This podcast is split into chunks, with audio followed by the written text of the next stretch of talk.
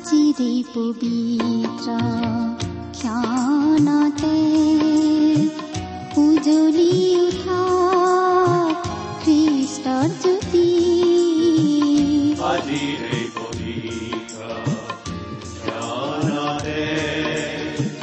উজ্বলি উঠা খ্ৰীষ্টৰ জ্যোতি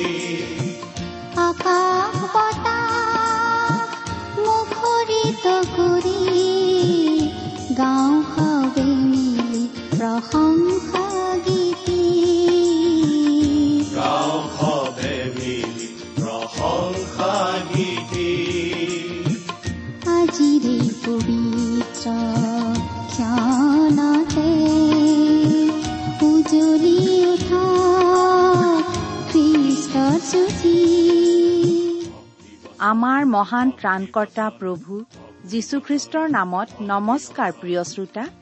এয়া মুকলি কৰিবলৈ লৈছো বাইবেল অধ্যয়নৰ ধাৰাবাহিক অসমীয়া অনুষ্ঠান ভক্তি বচন।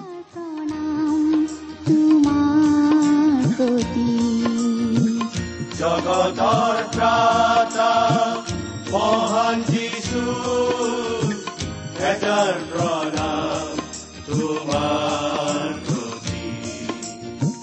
গ্ৰহণ কৰাই ভক্তি বচন।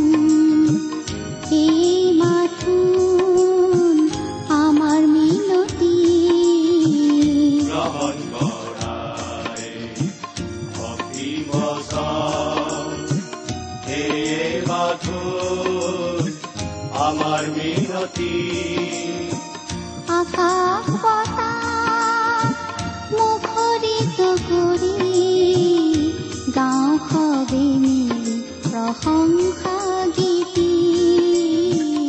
গাঁও সবে মিলি প্ৰশংসা গীতি। আমাৰ পৰম পবিত্ৰ প্ৰভু যীশুখ্ৰীষ্টৰ নামত নমস্কাৰ প্ৰিয় শ্ৰোতা। আশা কৰো মহান পিতা পৰমেশ্বৰৰ মহান অনুগ্ৰহত আপুনি ভালে কুশলে আছে। আৰু আমি এই বুলিও আশা কৰিছো যে আপুনি আমাৰ এই ভক্তিবচন অনুষ্ঠানটো নিয়মিতভাৱে শুনি আছে। শুনি কেনে পাইছে বাৰু? কিবা প্ৰকাৰে উপকৃত হৈছেনে? অনুগ্ৰহ কৰি আমালৈ চিঠি লিখি জনাওকচোন। আপোনালোকৰ পৰা চিঠি পত্ৰ পাবলৈ আমি আশাৰে বাট চাই থাকো। অনুগ্ৰহ কৰি আজি এই দুখাৰিমান লিখি পঠিয়াওকচোন।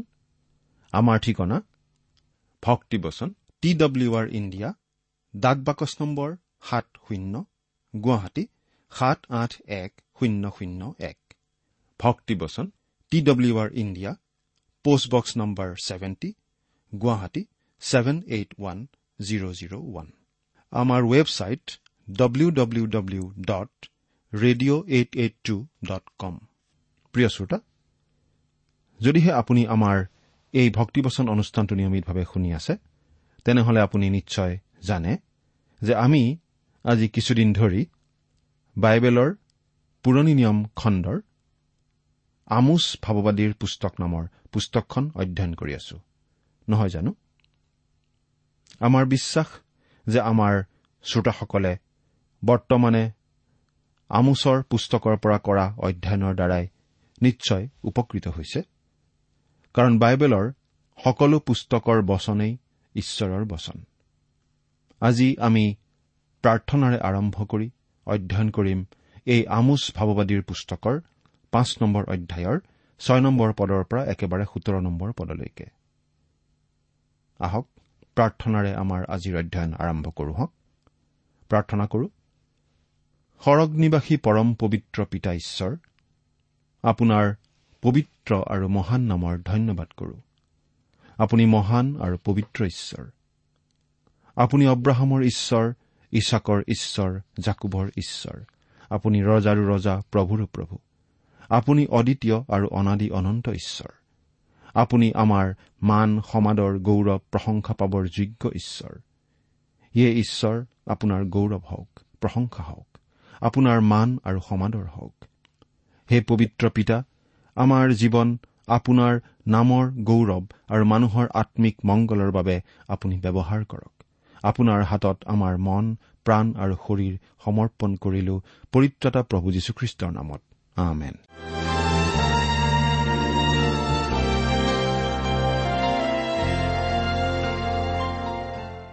প্ৰিয় শ্ৰোতা আপোনাৰ মনত আছেনে? আমি ইয়াৰ আগৰটো অনুষ্ঠানত কি কথাৰে সামৰণি মাৰিছিলো? হয়।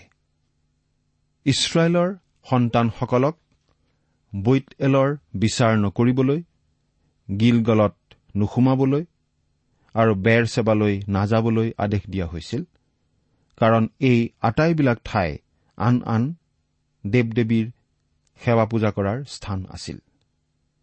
এই স্থানবোৰৰ বিচাৰ কৰি সেইবোৰত সোমাই আৰু সেই স্থানবোৰলৈ গৈ আন আন দেৱ দেৱীবিলাকৰ সেৱা পূজা কৰি ইছৰাইলৰ সন্তানসকলে নিজ ঈশ্বৰ জিহুৱাৰ পৰা আঁতৰি গৈছিল। এইখিনি কথা আমি আমোচ ভাৱবাদীৰ পুস্তকৰ পাঁচ নম্বৰ অধ্যায়ৰ পাঁচ নম্বৰ পদৰ পৰা চালো। কিন্তু তাৰ পাছৰ পদ অৰ্থাৎ পাঁচ নম্বৰ অধ্যায়ৰ ছয় নম্বৰ পদত আমোছে তেওঁৰ কথা অব্যাহত ৰাখি কৈছিল যে ইছৰাইলৰ সন্তানসকলৰ তেতিয়াও আশা আছিল। পদটো পাঠ কৰি দিছো শুনিবচোন। জিহুৱাক বিচাৰি জীয়াই থকা। নহলে তেওঁ যোছেফ বংশত অগ্নিৰ দৰে লাগি তাক গ্ৰাস কৰিব আৰু তাক নুমাব পৰা বৈতেলত কোনো নহ'ব। জিহুৱাক বিচাৰি জীয়াই থকা। কি যে সুন্দৰ আহান এয়া। নহলে তেওঁ অগ্নিৰ দৰে লাগি তাক গ্ৰাস কৰিব আৰু কি যে ভয়ানক সতৰ্কবাণী এয়া। তাৰমানে ঈশ্বৰে এই বুলি কৈছে। তোমালোক যদি মোলৈ নুঘূৰা মই তোমালোকৰ সুধবিচাৰ কৰিব লাগিব। গতিকে ঘূৰা মোলৈ ঘূৰি আহা আৰু জীয়াই থাকা। আমোচ পাঁচ নম্বৰ অধ্যায়ৰ সাত নম্বৰ পদৰ পৰা আঠ নম্বৰ পদ এতিয়া পাঠ কৰি দিম। যিজনাই কৃত্তিকা আৰু মৃগ শীৰ্ষ নিৰ্মাণ কৰিলে যিজনাই মৃত্যু ছায়াক ৰাতিপুৱাত পৰিৱৰ্তন কৰে ৰাতিক দিনলৈ সলনি কৰে যিজনাই সাগৰৰ জলসমূহক আহান কৰি পৃথিৱীৰ ওপৰত ঢালি দিয়ে। সুবিচাৰ নাগদানাত পৰিৱৰ্তন কৰোতা আৰু ধাৰ্মিকতাক মাটিত পেলাই দিওঁতা যি তোমালোক তোমালোকে সেইজনাক বিচাৰা। এয়া ঈশ্বৰৰ পুনৰ দয়াৰ আহান ঈশ্বৰ দীৰ্ঘসহিষ্ণু। আমি যিমান ধৈৰ্যশীল তাতকৈ ঈশ্বৰ অধিক ধৈৰ্যশীল। আমি জানো যে ঈশ্বৰৰ উপস্থিতিৰ সৈতে আমি ধৈৰ্যশীল হোৱাটো বাস্তৱিকতেই বৰ প্ৰয়োজন। ইয়াত কৃত্তিকা বা সপ্তগ্ৰাম হৈছে সূৰ্য চন্দ্ৰ বুধ শুক্ৰ মংগল বৃহস্পতি আৰু শনি। আৰু মৃগশীৰ্ষ হৈছে মহাকাশৰ বহু নক্ষত্ৰপুঞ্জৰ এটা নক্ষত্ৰপুঞ্জ ঈশ্বৰেই এই সকলোৰে সৃষ্টিকৰ্তা। সেইজনা ঈশ্বৰক তোমালোকে বিচাৰা। যিজনাই মৃত্যুছায়াক ৰাতিপুৱাত পৰিৱৰ্তন কৰে আৰু দিনক ৰাতিলৈ পৰিৱৰ্তন কৰে তোমালোকে সেই ঈশ্বৰক বিচাৰা।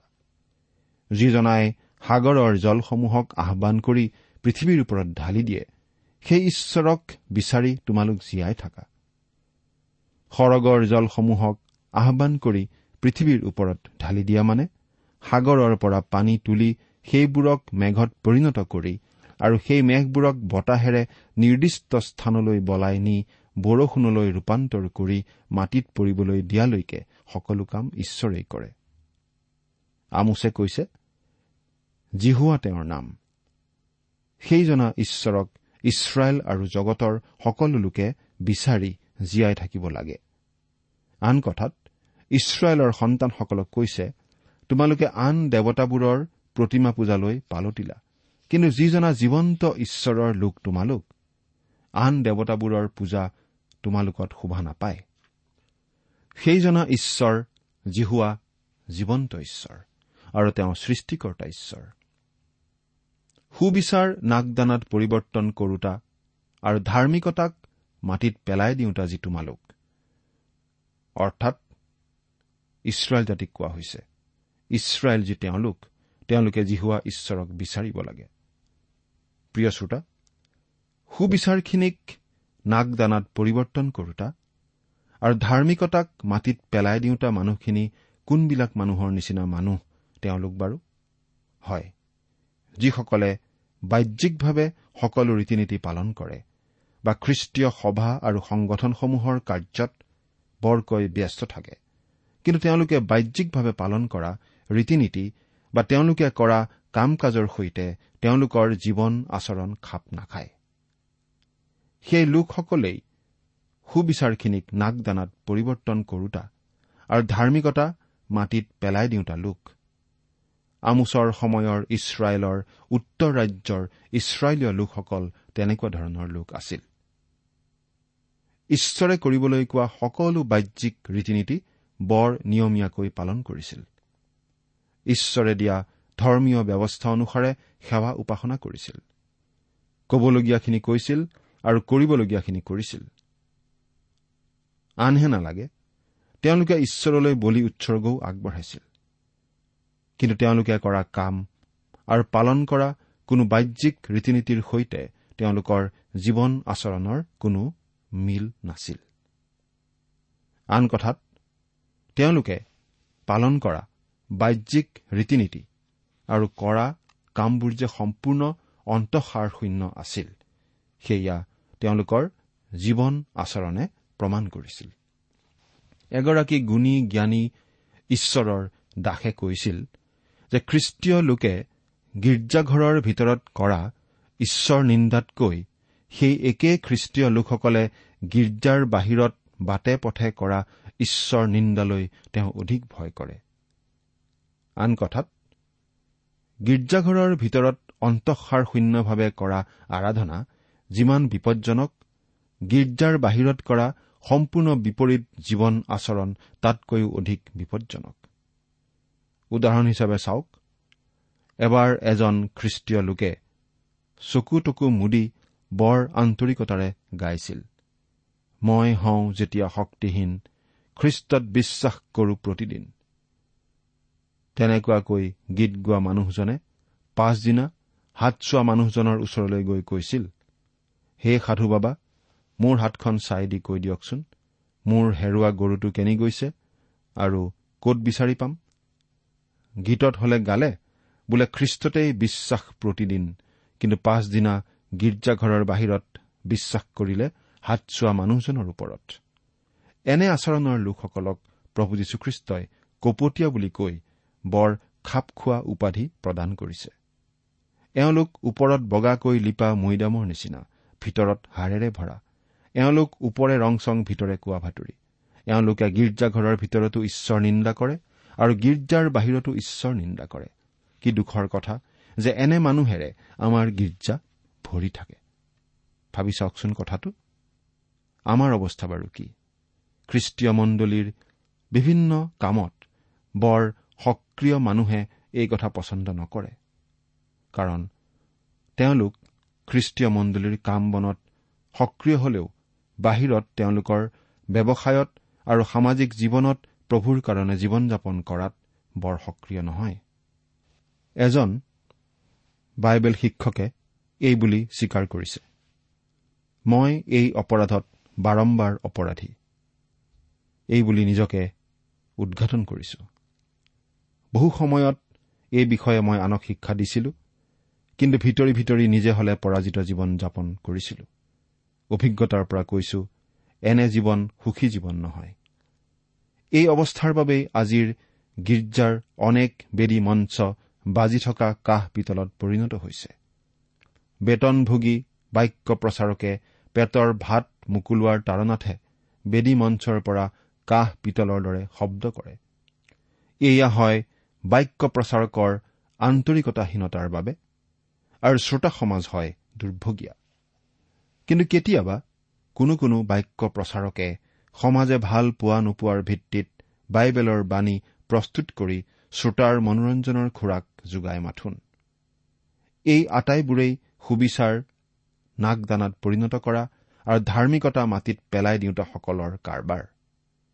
এই ক্ষেত্ৰত পাচনি পৌলে তিমঠিয়ক এইদৰে কৈছিল কিয়নো যি কালত মানুহে নিৰাময় শিক্ষা সহন নকৰিব কিন্তু খজোৱা কাণৰ লোক হৈ নিজ নিজ অভিলাষ অনুসাৰে নিজলৈ দমে দমে শিক্ষক কৰি ল'ব আৰু সত্যৰ পৰা কাণ ঘূৰাই গল্পকথাৰ নিমিত্তে অপথে যাব এনেকাল আহিব। দ্বিতীয় তিমঠিয় চাৰি নম্বৰ অধ্যায়ৰ তিনি আৰু চাৰি নম্বৰ পদ। জীৱন আচৰণক স্পৰ্শ কৰি তাক শুদ্ধ কৰাৰ বাণীৰ পৰিৱৰ্তে তেওঁলোকে শুনি মনোৰঞ্জনৰ খোৰাক পূৰ কৰিব পৰা বিধৰ বাণী শুনিবলৈ পালেই হ'ল। এওঁলোকৰ ভালপোৱা কথাটো মিছৰীয়াসকলৰ মাজত চলিত কথাটোৰ নিচিনা। তুমি মোৰ পিঠি খজুৱাই দিয়া আৰু ময়ো তোমাৰ পিঠি খজুৱাই দি দুয়ো সুখ উপলব্ধি কৰোঁ হওক। এই ক্ষেত্ৰত আমি নিজৰ কথাটোকো মন কৰা দৰকাৰ। আপোনাৰ বাহ্যিক আচৰণৰ সৈতে আন্তৰিক আচৰণৰ মিল আছেনে প্ৰিয় শ্ৰোতা? নে আমোচৰ দিনৰ ইছৰাইলৰ আচৰণেই আপোনাৰো আজিৰ আচৰণ? সেই ক্ষেত্ৰত আমি নিজৰ নিজৰ কথা ভাবি চোৱা উচিত। আপোনাৰ ক্ষেত্ৰত আপুনিও আপোনাৰ বিষয়ে পৰীক্ষা কৰি চাওক। কাৰণ আমি ঈশ্বৰৰ সন্তানৰূপে কোনেও আমাৰ জীৱন মঞ্চত ভাও দিয়া উচিত নহয়। পাঁচ নম্বৰ অধ্যায়ৰ ন আৰু দহ নম্বৰ পদ। দুৰ্গলৈ সৰ্বনাশ ঘটাকৈ যিজনাই বলি লোকৰ ওপৰত হঠাৎ সৰ্বনাশ ঘটায় তোমালোকে সেইজনাক বিচাৰা। তেওঁলোকে নগৰৰ দুৱাৰত দুখ ধৰোতা লোকক ঘীন কৰে আৰু যথাৰ্থ কথা কওঁতা লোকক তুচ্ছ কৰে। তেওঁলোকে নগৰৰ দুৱাৰত দুখ ধৰোতা লোকক ঘীন কৰে। নগৰৰ দুৱাৰত থাকি দুখ ধৰোতা এইসকলনো কোন বাৰু? তেওঁলোক নিশ্চয় বিচাৰক লোক কাৰণ তেতিয়াৰ দিনত দেৱালেৰে আগুৰা নগৰৰ ভিতৰতে বিচাৰালয়সমূহো আছিল। কাৰণ আপুনি বাইবেলৰ গোটেইখনতে পাব যে বিচাৰকসকল নগৰৰ দুৱাৰমুখতহে বহিছিল। সেয়েহে আমি পাওঁ যে বুৱজে নয়মী আৰু ৰুথৰ উত্তৰাধিকাৰিত্ব মোকাবিলা কৰিবলৈ তেওঁলোকৰ নিকটতম সম্বন্ধীয় লোকসকলক বৈতলেহেমৰ দুৱাৰমুখলৈ আনিছিল।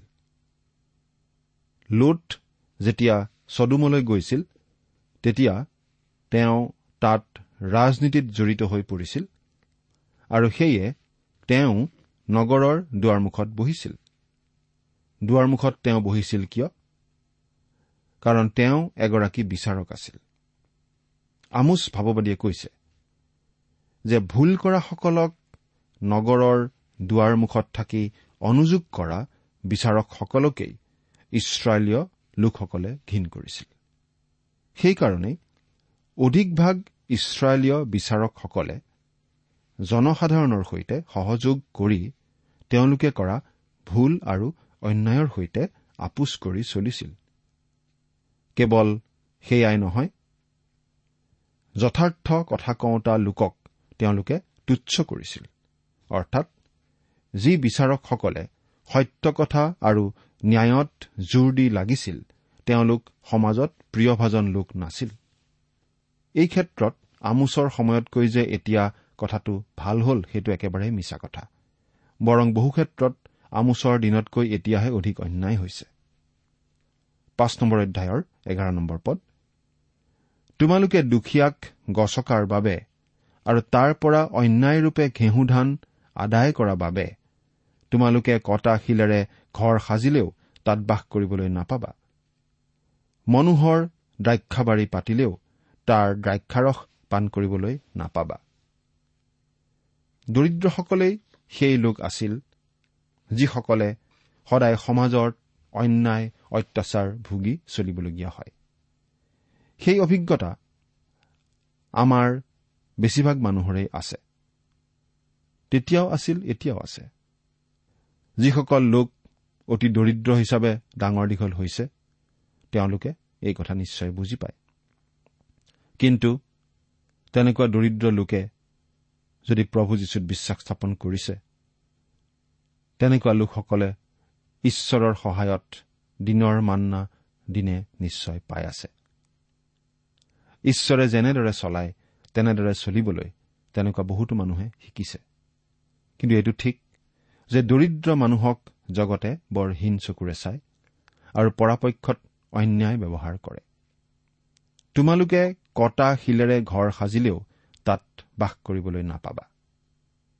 আমোচ ভাৱবাদীয়ে এই ভৱিষ্যৎবাণী দিয়াৰ কিছুদিনৰ পাছতেই অচুৰীয়াবিলাক আহি ইছৰাইলৰ উত্তৰ ৰাজ্য আক্ৰমণ কৰি চমৰীয়াত শিল কাটি সজোৱা গৃহবিলাক ধ্বংস কৰি মাটিৰ সমান কৰি থৈ অনেক লোকক বধ কৰিছিল আৰু অধিক ভাগ লোকক বন্দী কৰি দেশান্তৰলৈ লৈ গৈছিল। সেইবোৰৰ ভগ্ন অৱশেষ যোৱা তিনি হাজাৰ বছৰে চমৰীয়াত পৰি আছে। আমোচ পাঁচ নম্বৰ অধ্যায়ৰ বাৰ নম্বৰ পদ। কিয়নো ধাৰ্মিক লোকক কষ্ট দিওঁতা ভেটি লওঁতা আৰু নগৰৰ দুৱাৰত দৰিদ্ৰবিলাকক অন্যায় কৰোতা যি তোমালোক তোমালোকৰ অপৰাধ কিমান অধিক? আৰু তোমালোকৰ পাপবোৰ কিমান মহৎ তাক মই জানো। আমোচৰ দিনত দুখীয়া নিচলা লোকবিলাকে বিচাৰালয়ত কোনো ন্যায় লাভ কৰিব পৰা নাছিল। কিন্তু আপুনি ভাবেনে যে তেওঁলোকে আজি কিবা বেলেগ আশা কৰিব পাৰে? সঁচা কথা কবলৈ গ'লে এই ক্ষেত্ৰত কোনো পৰিৱৰ্তন আজিও ঘটা নাই। মৃত্যুদণ্ডৰ যোগ্য হলেও বা মৃত্যুদণ্ডৰ বাবে ৰায় হোৱাৰ পাছতো। পিছত উচ্চতৰ বিচাৰালয়ত পুনৰ বিচাৰ পাবলৈ আবেদন কৰিব পৰা ব্যৱস্থাই বহু ধনী অপৰাধীক গেছ কক্ষ বা বিজুলী সৰবৰাহ কৰা চকীৰ মৃত্যুদণ্ডৰ পৰা বহু সময়ত ৰেহাই দিয়ে। কাৰণ উচ্চতৰ বিচাৰালয়ত খৰচ কৰিবলৈ তেওঁলোকৰ অসংখ্য ধন আছে। দুখীয়াৰ কিন্তু ধন নাই। আছে তেওঁলোকৰ ফুটা কপালটো। সেয়ে সেই ফুটা কপালটোক লৈ তেওঁ ফাঁচীৰ কাঠত উঠে। কিন্তু অপৰাধী ধনী হলেও বা দৰিদ্ৰ হলেও দণ্ডৰ যোগ্য হলে দণ্ড ভুগিব লাগে আইনে তাকেহে দিব লাগে। ধনীয়ে ধন ব্যৱহাৰ কৰিব পাৰিলে তেওঁ কেনেকৈ নিৰপৰাধী হ'ব পাৰে যদি তেওঁ বাস্তৱিকতেই অপৰাধী? কিন্তু দুখৰ কথা যে ধনৰ লোভত আজি মানুহে বহু অপৰাধীক নিৰপৰাধী বনাইছে। ধন বল বাহুবল থকাসকলে সেইকাৰণেই আজি দপদপাই ফুৰিব পাৰিছে আৰু মানুহৰ সমাজ সেইদৰেই ৰসাতললৈ গৈ আছে। এনে অন্যায় চলি থাকিলে বা চলাই থাকিলে মানুহে নিজেই নিজৰ কবৰ খান্দিব। ইছৰাইলৰ সন্তানসকলৰ সেইটোৱেই ঘটিছিল। প্ৰিয় শ্ৰোতা মনত ৰাখিব যে দেশত বা জাতিবিলাকৰ মাজত অন্যায় বিৰাজ কৰিলে ঈশ্বৰে তালৈ দৃষ্টি ৰাখে। সংসাৰখনৰ পৰিচালনাৰ ভাৰ ঈশ্বৰে মানুহ শাসকৰ হাতলৈ হস্তান্তৰিত কৰিছে। সেই শাসকসকলে যদি ন্যায় বিচাৰ বজাই ৰাখিব নোৱাৰে তেন্তে ঈশ্বৰে সেই শাসকসকলক দূৰ কৰিব। পাঁচ নম্বৰ অধ্যায়ৰ তেৰ নম্বৰ পদটো পঢ়িম। এই নিমিত্তে এনে সময়ত সুবিবেচক লোক মনে মনে থাকিব। কিয়নো এইয়ে দুখ সময় আন কথাত কবলৈ হলে দৰিদ্ৰক অন্যায় অত্যাচাৰ কৰা দেখিলেও মানুহে প্ৰতিবাদ কৰা নাছিল কাৰণ প্ৰতিবাদ কৰাৰ দ্বাৰা নয়া পইচা এটাৰ সমানো লাভ নাছিল। আমাৰ এতিয়াৰ দিনবোৰো একেধৰণৰ দুৰ্দিন। বহু সময়ত সমাজৰ বিভিন্ন নিয়ম কানুনবোৰ ফুটুকাৰ ফেন মাথোন। আপোনাৰ যদি ধন বল জনবল আৰু বাহুবল নাই আপোনাৰ সকলো আইনগত চিঞৰ বাখৰ অৰণ্য ৰুদন মাথোন। পাঁচ নম্বৰ অধ্যায়ৰ চৈধ্য নম্বৰ পদ। তোমালোকে জীয়াই থাকিবৰ নিমিত্তে বেয়া নিবিচাৰি ভালহে বিচাৰা। আৰু তোমালোকে কোৱাৰ দৰে বাহিনীবিলাকৰ ঈশ্বৰ যি হোৱা তোমালোকৰ লগত থাকিব। ইয়াত ঈশ্বৰে ইছৰাইলক পুনৰ আহান জনাইছে যেন তেওঁলোকে তেওঁলৈ পালতে। তোমালোকে বেয়াক ঘীন কৰা। ভালক ভাল পোৱা আৰু নগৰৰ দুৱাৰত সুবিচাৰ স্থাপন কৰা। কিজানি বাহিনীবিলাকৰ ঈশ্বৰ জিহুৱাই যোচেফৰ অৱশিষ্ট ভাগলৈ দয়ালু হ'ব? এইদৰে আমি পাওঁ পোন্ধৰ নম্বৰ পদত। প্ৰিয় শ্ৰোতা বেয়াক ঘীন কৰা ভালক ভাল পোৱা আৰু সুবিচাৰ স্থাপন কৰা এই আটাইবোৰেই ভাল। মানুহে এনে ভাল কৰিব পাৰিলে ভাল ঈশ্বৰে দয়া কৰিবই। ষোল্ল আৰু সোতৰ নম্বৰ পদ। এইকাৰণে বাহিনীবিলাকৰ ঈশ্বৰ জিহুৱাই এই কথা কৈছে। আটাই চকত লোকে বিলাপ কৰিব। আটাই আলিত হাই হাই কৰিব আৰু খেতিয়কক শোক কৰিবলৈ আৰু বিলাপত পটুবোৰক হাহাকাৰ কৰিবলৈ মাতিব। আৰু আটাই দ্ৰাক্ষাবাৰীত হাহাকাৰৰ ধনী হ'ব। কিয়নো জিহুৱাই কৈছে মই তোমালোকৰ মাজেদি যাম। মই তোমালোকৰ মাজেৰে যাম বুলি ঈশ্বৰ জিহুৱাই কৈছিল কাৰণ তেওঁ জানিছিল যে ইছৰাইলীয়া লোকসকলে তেওঁলৈ নুঘূৰিব।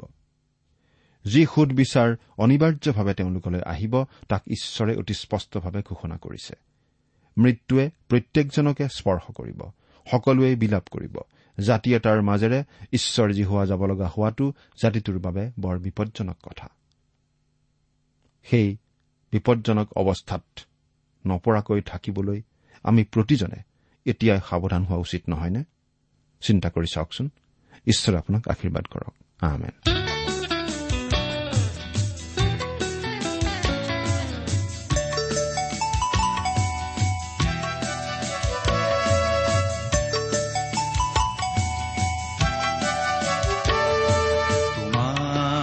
কাষলে আহিছো পিতা আজি মোক জিৰণি দিয়া তোমাৰ কৰোণা মাগিছো পিতা তুমি মোক কাব দিলোৱা ইমান পৰে আপুনি ভক্তিবচন অনুষ্ঠানটি শুনিলে। অনুষ্ঠানটি শুনি কেনে পালে আমালৈ চিঠি লিখি জনাবচোন? অনুষ্ঠানত প্ৰচাৰ কৰা কোনো কথা বুজিব লগা থাকিলেও আমালৈ লিখক। আমাৰ ঠিকনা ভক্তিবচন টি ডাব্লিউ আৰ ইণ্ডিয়া ডাক পাকচ নম্বৰ সাত শূন্য গুৱাহাটী সাত আঠ এক শূন্য শূন্য এক। ঠিকনাটো আৰু এবাৰ কৈছো ভক্তিবচন টি ডাব্লিউ আৰ ইণ্ডিয়া ডাক পাকচ নম্বৰ সাত শূন্য গুৱাহাটী সাত আঠ এক। শূন্য শূন্য এক। আপুনি ইমেইল যোগেৰেও আমাৰ সৈতে যোগাযোগ কৰিব পাৰে। আমাৰ ইমেইল আইডিটো হৈছে Assamese T TV at radio' eight eight two dot com. আইডিটো আকৌ এবাৰ কৈছো। Assamese T TV at radio' eight eight two dot com. আপুনি টেলিফোনৰ মাধ্যমেৰেও আমাক যোগাযোগ কৰিব পাৰে। আমাৰ টেলিফোন নম্বৰটো হৈছে শূন্য তিনি ছয় এক দুই ছয় শূন্য চাৰি ছয় সাত এক। ফোন নম্বৰটো আকৌ এবাৰ কৈছো zero' three six one two six zero' four six seven one. আজিৰ অনুষ্ঠানটি ইমানতে সামৰিছো। ঈশ্বৰৰ শান্তি আৰু অনুগ্ৰহ আপোনাৰ লগত থাকক। ধন্যবাদ। আহিছো পিতা আজি জিৰণি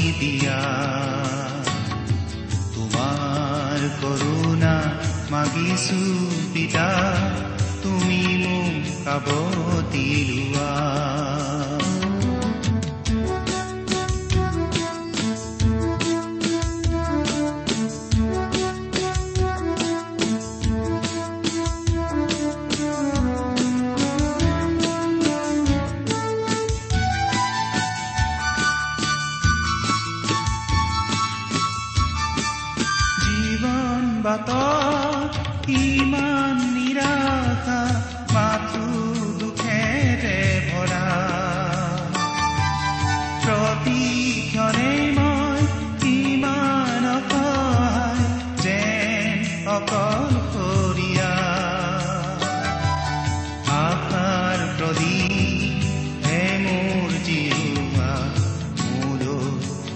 সৃষ্টি কৰা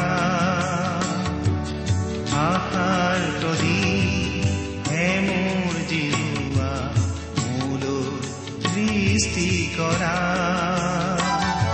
তোমাৰ কাষলে আহিছো পিতা আজি মোক জিৰণি দিয়া তোমাৰ কৰোণা মাগিছো পিতা তুমি মোক খাব দিলোৱা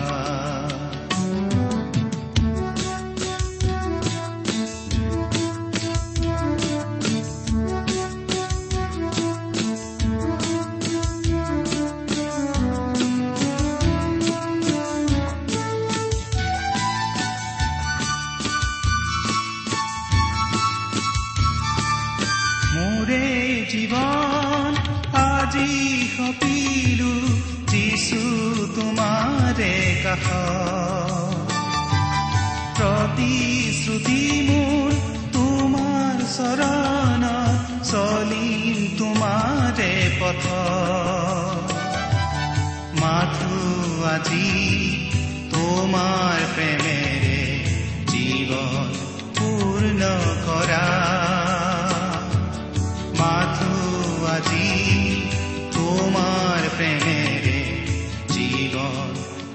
পূৰ্ণ কৰা তোমাৰ কাষলে আহিছো পিতা আজি মোক জিৰণি দিয়া। তোমাৰ কৰোণা মাগিছো